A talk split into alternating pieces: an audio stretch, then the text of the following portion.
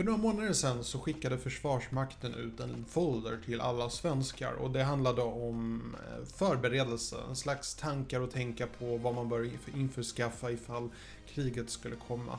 Så jag blev lite inspirerad av den här foldern och jag tänkte vad kan jag tipsa om? Så det här är digitala rutans tips. En sak du behöver ifall det värsta skulle inträffa, vare sig det gäller krig eller zombies det är en sån här du behöver. Mycket nöje.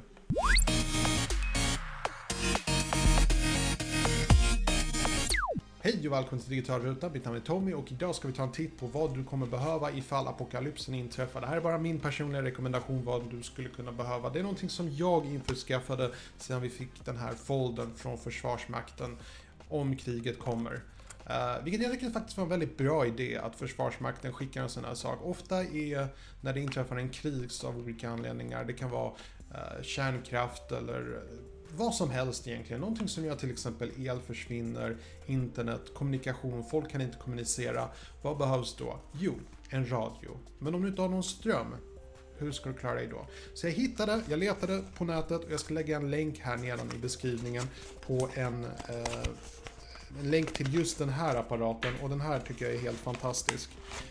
Um, det här är en eh, väldigt unik radio och det här är den perfekta radion ifall du befinner dig i en nödsituation där du inte har el eller tillgång till att ladda din radio eller någonting. Uh, för det första så kan jag bara nämna att den har uh, en lampa. Vilket är alltid bra att ha.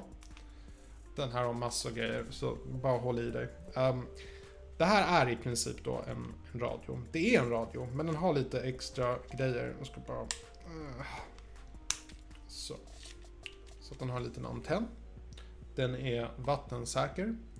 Eh, och den, den har ett stort batteri här i. Den kan laddas med hjälp av USB, men har du inte tillgång till el så har den faktiskt även solcellspanel här, så du kan i princip låta den stå ute i solen. Men skulle det hända nu att eh, det är eh, en kärnkraftverk som har exploderat och skapat svarta moln som i princip gör att solen inte tränger igenom. Då hjälper det inte speciellt mycket av att du har en solcellspanel. Men det är helt okej. Okay. Den här manicken klarar sig ändå. Du har en liten vev här och så kan du helt enkelt veva. Och det här genererar ström Oh, jag behöver träna, det här, jag, är inte alls, jag har ingen styrka alls. Men det här är jättebra. Eh, jag tror att du ska snurra så här i fem minuter och det ger dig en minuts lyssnetid eller ljus. Eh, jag kommer inte ihåg exakt. Men ehm, det är bara att veva. Efter en timme har du tillräckligt för att hålla dig en hel dag. Um, så att du kan även använda den här för att ladda upp din telefon. Du har med en laddkabel så du kan i princip ladda din smartphone. Um, vilket innebär att skulle ström försvinna och du kan inte ladda din mobil så kan du faktiskt alltid veva eller använda solcell för att göra det här till ett portabelt batteri. Och så kan du ladda din mobil eller din dator eller vad det är den du behöver. Så jag tycker att om apokalypsen nu ska inträffa, om det nu händer imorgon eller om tio år från nu, så känner jag mig lite tryggare genom att ha den här lilla saken. Plus att jag uppskattar verkligen den här lilla detaljen att den har en lampa. Det tycker jag gör... Det är en fin touch på det hela på något sätt. Så det var mitt lilla tips för idag.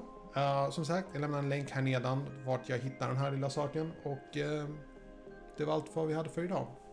Passa på att önska dig en trevlig fortsatt dag.